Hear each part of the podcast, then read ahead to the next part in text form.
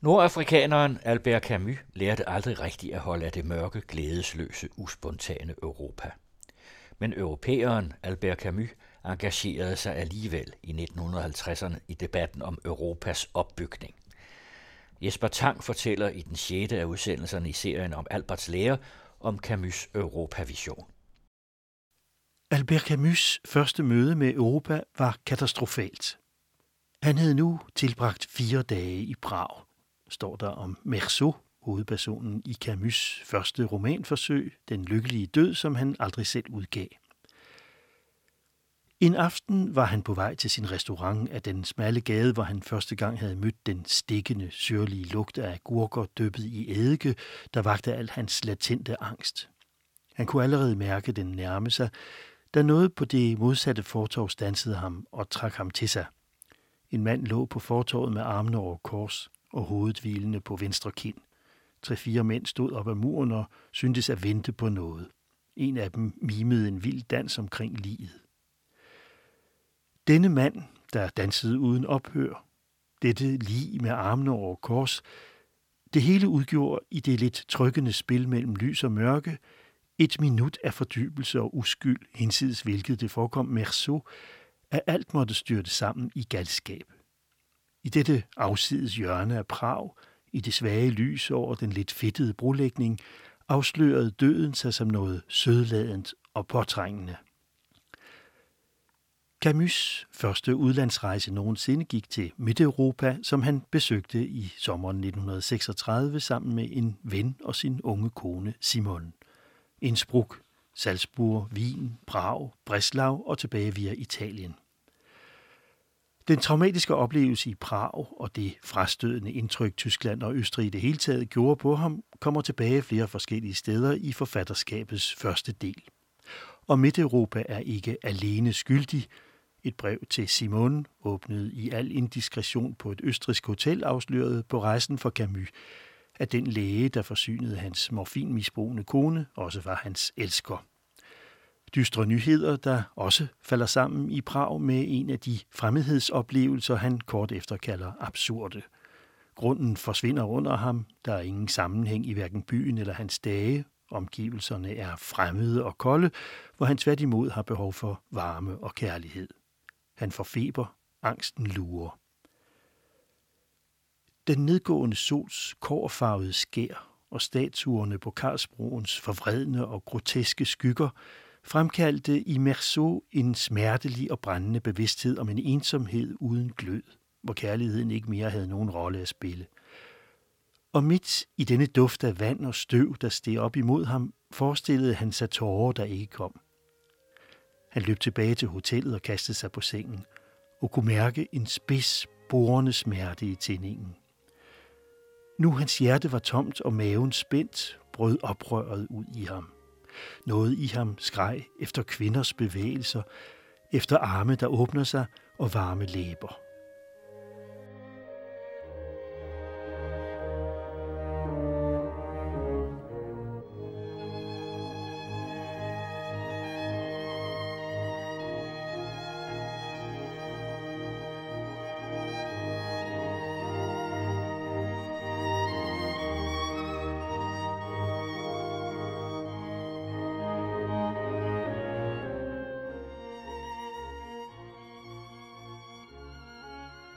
Selvom fremmedhedsfølelsen, oplevelsen af at skrige sit behov for mening op mod absurditetens mur, altså selv i Prag udløste det berømte kamyske oprør, der forløser og menneskeliggør, selv der hvor verden, som der står, optræder i sin mest frastødende skikkelse, er det kontrasten, der bliver varet hængende i Camus' erindring om Europa, kontrasten mellem et kvælende Prag, Europas uværstunge himmel, de fjerne fabriksgårdstene og det dystre morgengry, som han ser fra togkupéen, der fører ham yderligere nordpå. Kontrasten mellem nord og syden, som han mødte i Genova på hjemvejen, cypresser, oliventræer, havet med dets ladning af dufte og lys, der stiger op imod ham i en lang svulmen, pigernes sandalklædte fødder og frie bryster under lette, stærkt farvede kjoler.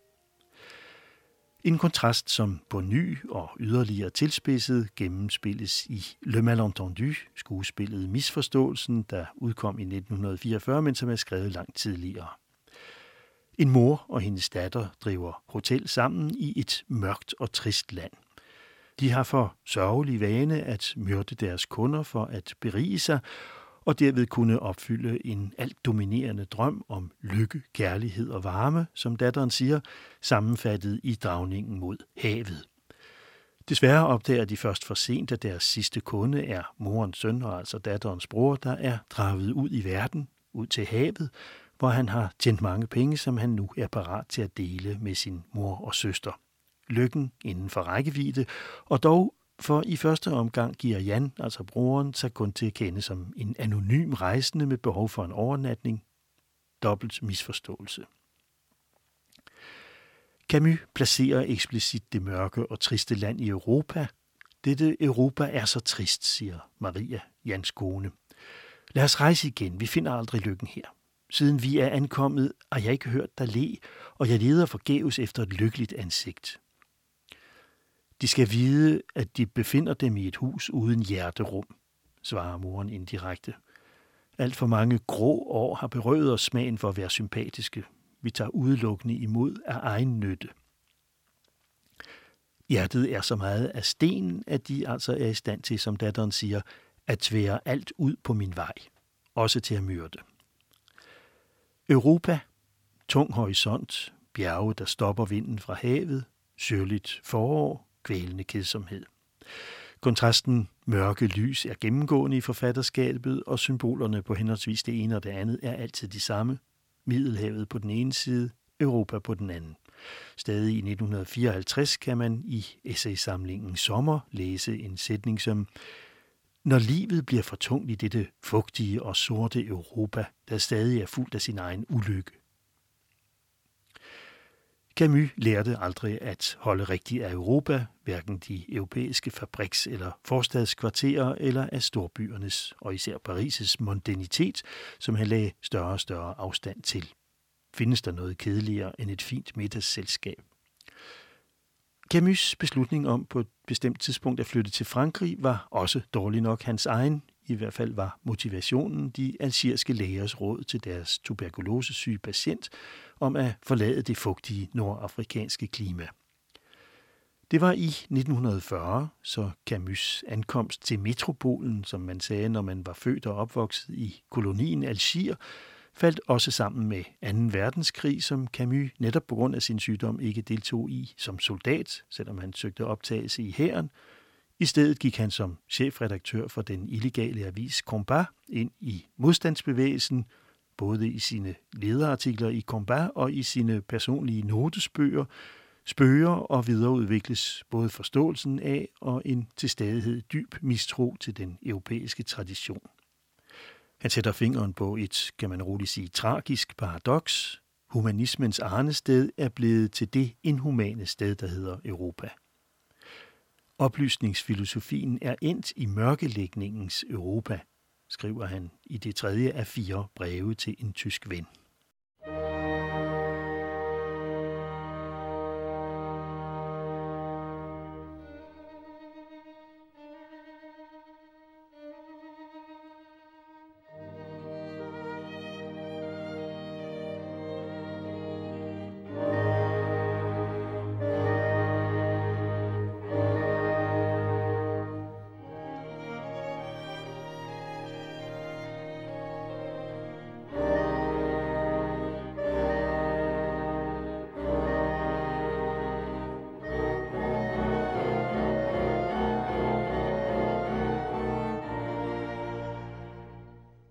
Jeres Europa er ikke det rigtige, skærer Camus kompromilløst igennem over for en forestillet tysk, altså nazistisk tysk ven i 1944.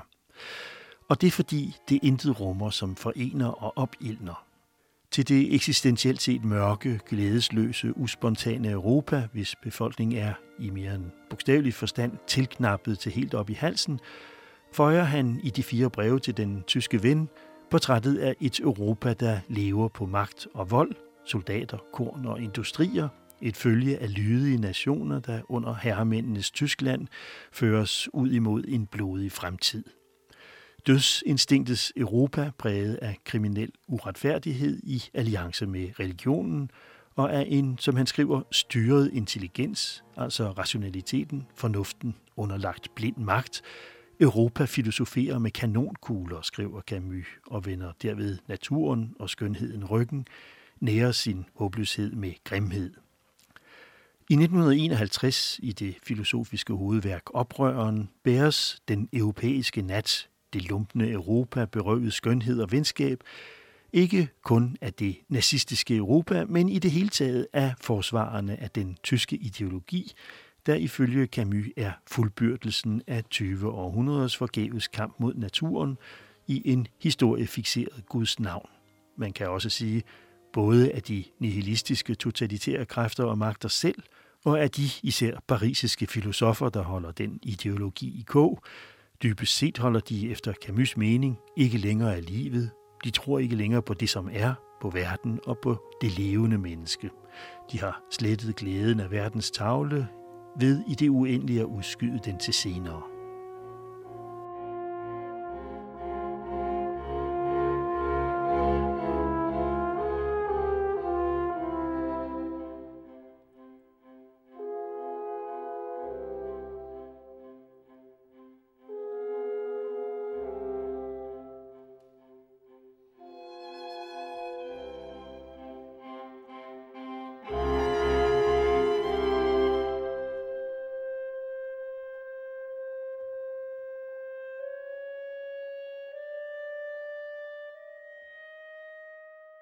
Men årene i modstandsbevægelsen gjorde også på en paradoxal måde afrikaneren Camus til ikke franskmænd, men fri europæer, som han kalder det, trods en fortsat kritisk grundholdning. I, de tyske nazister, og vi, står der pludselig i brevene, I og vi befinder os sammen med resten af Europa i den samme intelligensens tragedie. Sin naturtro, kan man vist godt sige, holder Camus muligheden åben for, at andre kræfter end de destruktive kan komme til at styre, for ikke at sige frelse Europa. Og de kræfter kommer nedefra, fra det som er, fra de europæiske befolkninger, der skrev han i 1948 i artikelserien Hverken ofre eller bødler, der er lede og kede af vold og løgn og skuffet i deres enorme håb. Vemmede ved tanken om at dræbe deres medmennesker, også selvom det er for at overbevise dem, og lige så vemmede ved tanken om at blive overvist på samme måde. Og det er det valg, man stiller Europas folkelige masser overfor. Det var på den basis i blokpolitikkens skygge lige efter 2. verdenskrig, at Camus også engagerede sig i debatten i 1950'erne om det europæiske fællesskab, den debat, der mundede ud i Romtraktaten i 1957. En revolution, man adskiller fra mennesket, forråder sin oprindelse, står der i oprøren, og det gælder også for den europæiske konstruktion, for abstraktionen overtaget, for en ideologi eller en teknologisk religion, som Camus kalder det overtaget, så står Europa ikke til at redde. Det udelukker ikke, at man har et ideal. Målet, skrev han i tidsskriftet Renaissance i 1945, er netop at forene ideal og interesser. Havde man lyttet lidt bedre dengang, og især med regelmæssige mellemrum, taget Camus frem til genlæsning, var vi måske blevet fri for den helt bevidste vilje til netop at lade interesserne så godt som 100% overskygge idealet i en slags kynisk blindhed for de almindelige europæere, der reagerer ved i bedste fald at vende Europa ryggen, hvis de ikke direkte vender sig imod Europa i vrede, måske i uforståelsens vrede, som de højere ekstremistiske bevægelser rundt omkring på det europæiske kontinent er så hurtige og så gode til at opfange. Camus' ideal er altså først og fremmest et demokratisk Europa, eftersom forsøget på en tvungen forening af de europæiske nationer ikke lykkedes, nemlig nazismens, skal det nye Europa, der efter Camus' mening skal omfatte både England og et nyt demokratisk Tyskland, hvile på en kontrakt, ikke på et diktat, på frivillighed og på folkelig deltagelse. Med sædvanlig praktisk sans mener Camus, at man skal begynde med det økonomiske, for hvis Europa forliger sig med sig selv, vil bølger af rigdom skylle ind over kontinentet. skrev profeten Albert Camus i 1956. Men indimellem blev ideal også til idealisme, som når Camus med et pindstrøg afskaffede kapitalismen og tolvgrænserne til fordel for en økonomisk federation, der åbner for en politisk. De europæiske lande er alle tæt afhængige af hinanden i deres produktion som i deres forbrug, lød det i en leder i Combat i 1944. Han tog Frankrig som eksempel. Frankrig er ikke længere nogen stormagt, men en region i Europa og i verden – solidarisk med Europa, uanset hvad landet gør eller vil. Det har det været i ledelsen, det er det i økonomien, og det skal landet også blive i sin skæbne, skrev Camus. Camus, der hele livet igennem var nationernes fjende, havde let ved at acceptere den afgørende suverænitetsafgivelse, som netop nationen Frankrig dybest set aldrig har kunnet affinde sig med, men som er en nødvendighed for en ægte enhed. Men samtidig forskel, siger Camus, aldrig det ene uden det andet, for Europas rigdom er mangfoldigheden af modsætninger og forskelle. Det er ved uafbrudt at have vidst at overskride dem, at Europa har skabt en civilisation, som hele verden er afhængig af, selv når den forkaster den.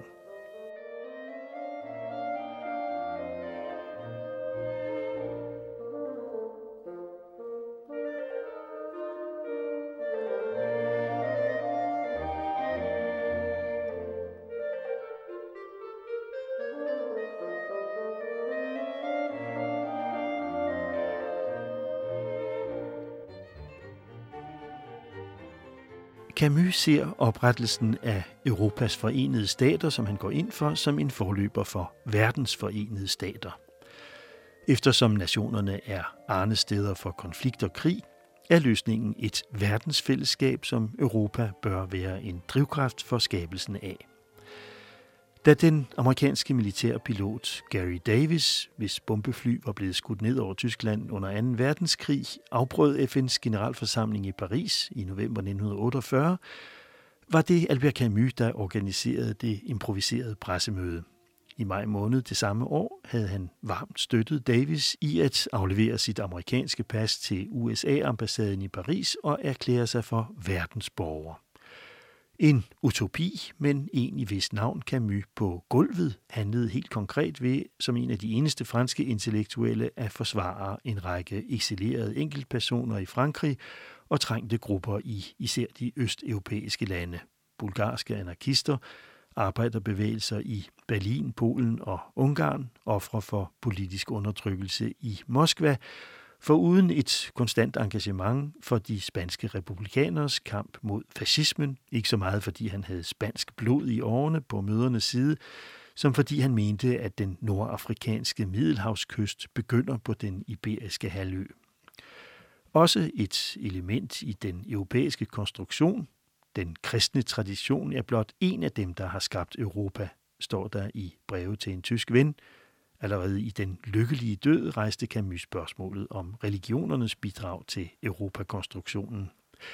I det mørke Europa ligger Gud enten i dvale og er erstattet af historien og magtfilosofien, eller også er han som i Prag i det luthersk-protestantiske Europa, den Gud, man tilbeder og ærer og frygter, den stik modsatte af de græske guder, der lærer med menneskene foran havet og solens varme leg.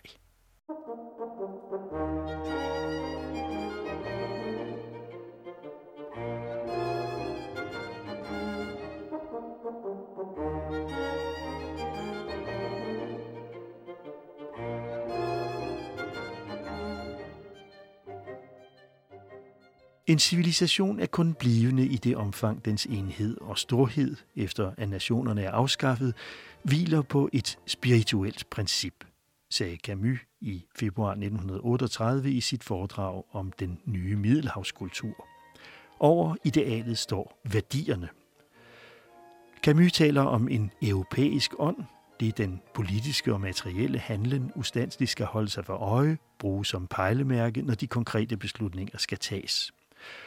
Og hvad er for Camus det fundamentalt spirituelle? Som altid mennesket. Det levende menneske, som han sætter i højsædet i oprøren.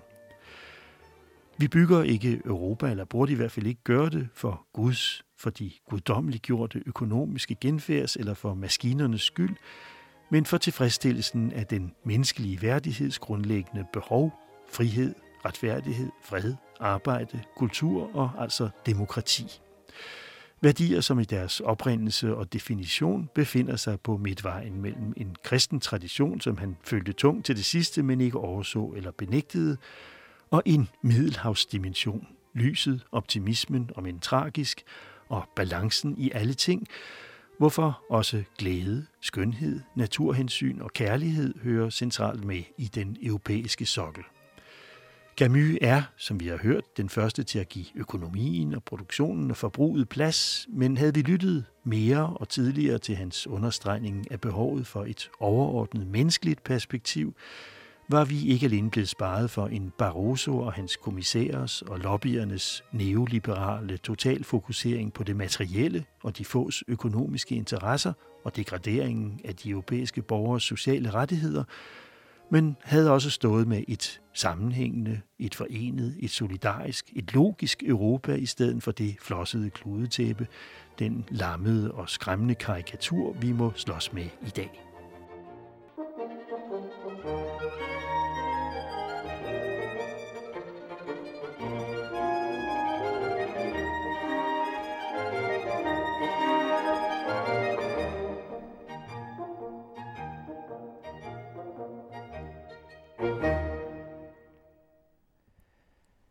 I 6. kapitel af vores radioserie om Albert Camus' tanker og forfatterskab hørte I uddrag af Beethovens Septet opus 20. Jesper Tang havde tilrettelagt, og syvende kapitel kommer i næste uge og handler om moral og politik.